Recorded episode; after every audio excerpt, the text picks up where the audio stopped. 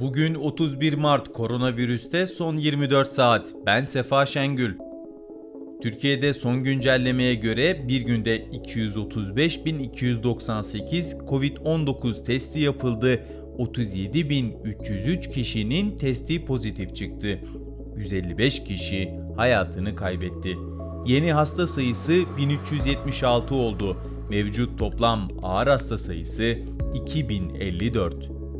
Cumhurbaşkanı Recep Tayyip Erdoğan, Birleşmiş Milletler tarafından devlet ve hükümet başkanlarının katılımıyla düzenlenen Covid-19 ve sonrasında kalkınmanın finansmanı başlıklı çevrim içi etkinliğe video mesaj gönderdi. Dünyanın en zengin ülkelerini dahi hazırlıksız yakalayan küresel salgının bilhassa az gelişmiş ülkelerde ciddi yıkımlara neden olduğunu belirten Erdoğan, salgınla beraber daha da belirginleşen adaletsizliğin aşı meselesiyle çok daha vahim bir hal aldığını ifade etti. Dünya genelinde halen yüze yakın ülkenin aşıya henüz ulaşamadığına işaret eden Erdoğan, yerli aşı çalışmalarımız tamamlandığında aşımızı en uygun şartlarda tüm insanlığın kullanımına sunmayı öngörüyoruz dedi. Sağlık Bakanı Fahrettin Koca ise mecliste gazetecilerin COVID-19 salgını ve bu kapsamda yürütülen çalışmalara ilişkin sorularını cevapladı. Mutant virüse ilişkin Türkiye'deki durumun sorulması üzerine Koca şunları söyledi.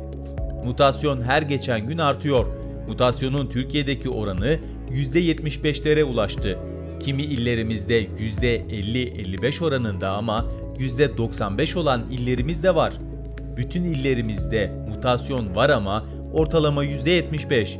Bunun dışında ağırlıklı İngiliz mutantı söz konusu.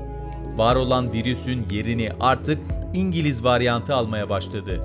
Bu varyantın en önemli özelliği bulaştırıcılığının çok yüksek olduğu ama şimdiye kadar virülansında bir değişiklik olmadığını biliyoruz. Ayrıca Brezilya ve Güney Afrika mutantı varyantı söz konusu ifadelerini kullandı. Öte yandan koca BioNTech Pfizer aşısının ne zaman başlayacağına ilişkin soruyu BioNTech aşısı muhtemelen önümüzdeki birkaç gün sonra başlayacak lojistikle ilgili hazırlıklar tamamlandı. BioNTech aşısının şu an Türkiye'ye geldiği doz miktarı 2,8 milyon oldu. Önümüzdeki bir hafta 10 gün içinde de 4,5 milyona tamamlanmış olacak diye yanıtladı. Dünyadan gelişmelerse şöyle. Vaka sayısı ABD'de 31 milyon 47 bine, Brezilya'da 12 milyon 577 bine, Hindistan'da 12 milyon 148 bine ve Fransa'da 4 milyon 585 bine ulaştı. ABD'deki 25 eyalette salgın nedeniyle son bir haftada hastaneye yatışlarda artış olduğu belirtildi.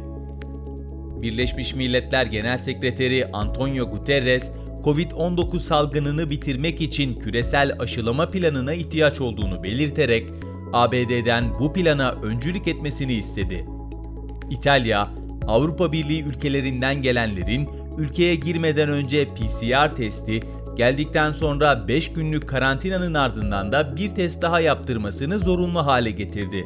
Avrupa, Afrika, Latin Amerika ve Asyalı devlet başkanlarından oluşan 24 liderle Dünya Sağlık Örgütü Genel Direktörü Gebreyesus yayımladıkları ortak mektupta salgınlara karşı hazırlık ve mücadele konusunda yeni uluslararası anlaşma getirmek için ülkelerin birlikte çalışması gerektiğini belirtti. Covid-19 önlemlerinin gevşetilmesi planlarının yapıldığı Yunanistan'da vaka sayısı son 24 saatte 4340 ile salgının başından bu yana en yüksek seviyeye çıktı. Pfizer-BioNTech'in Covid-19 salgınına karşı geliştirdiği aşının 2021 yılı üretim hedefinin 2,3 milyar dozdan 2,5 milyar doza çıkarıldığı bildirildi. Almanya'nın başkenti Berlin'de AstraZeneca aşısının 60 yaş altı kişilerde kullanımı askıya alındı. Kanada'da AstraZeneca aşısının 55 yaş altı kişilerde kullanımını askıya aldı.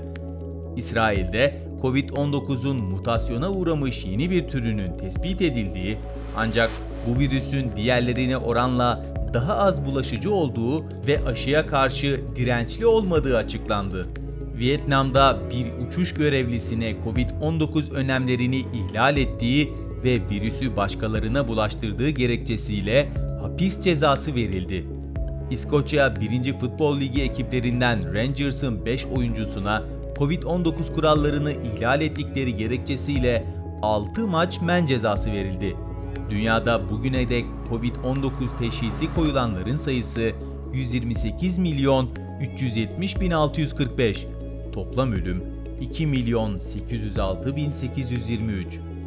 Anadolu Ajansı'nın hazırladığı koronavirüste son 24 saatten bugünlük bu kadar. Hoşçakalın.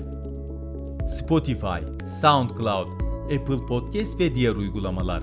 Bizi hangi mecradan dinliyorsanız lütfen abone olmayı unutmayın.